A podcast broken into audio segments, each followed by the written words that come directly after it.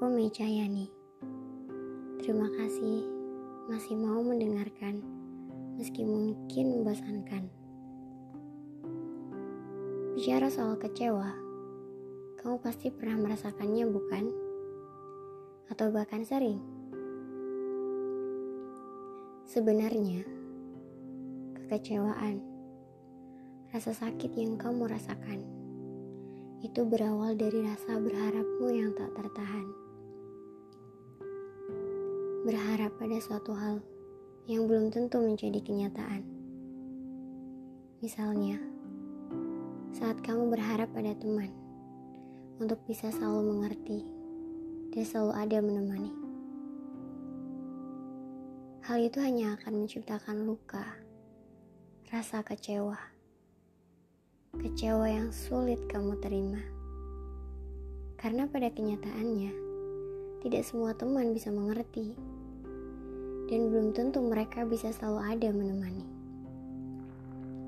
Contoh lain yang sering terjadi saat kamu berharap dia akan menjadi pasangan, tapi dia menganggapmu hanya sebatas kawan.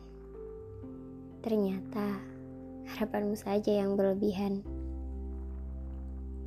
Berharap pada manusia memang sering kali membuat kita kecewa. Tapi mengapa kita masih mengharapkan kepadanya? Mengapa kita tidak berharap kepada yang semestinya, yaitu Tuhan semesta? Karena berharap pada manusia, ujungnya hanya akan menciptakan luka dan luka lalu hanya bisa membuat kita marah. Marah pada semesta yang tak sejalan dengan pikiran. Itulah kelemahan kita. Masih saja suka berharap pada suatu hal yang bisa kapan saja menjatuhkan kita ke lubang kecewa.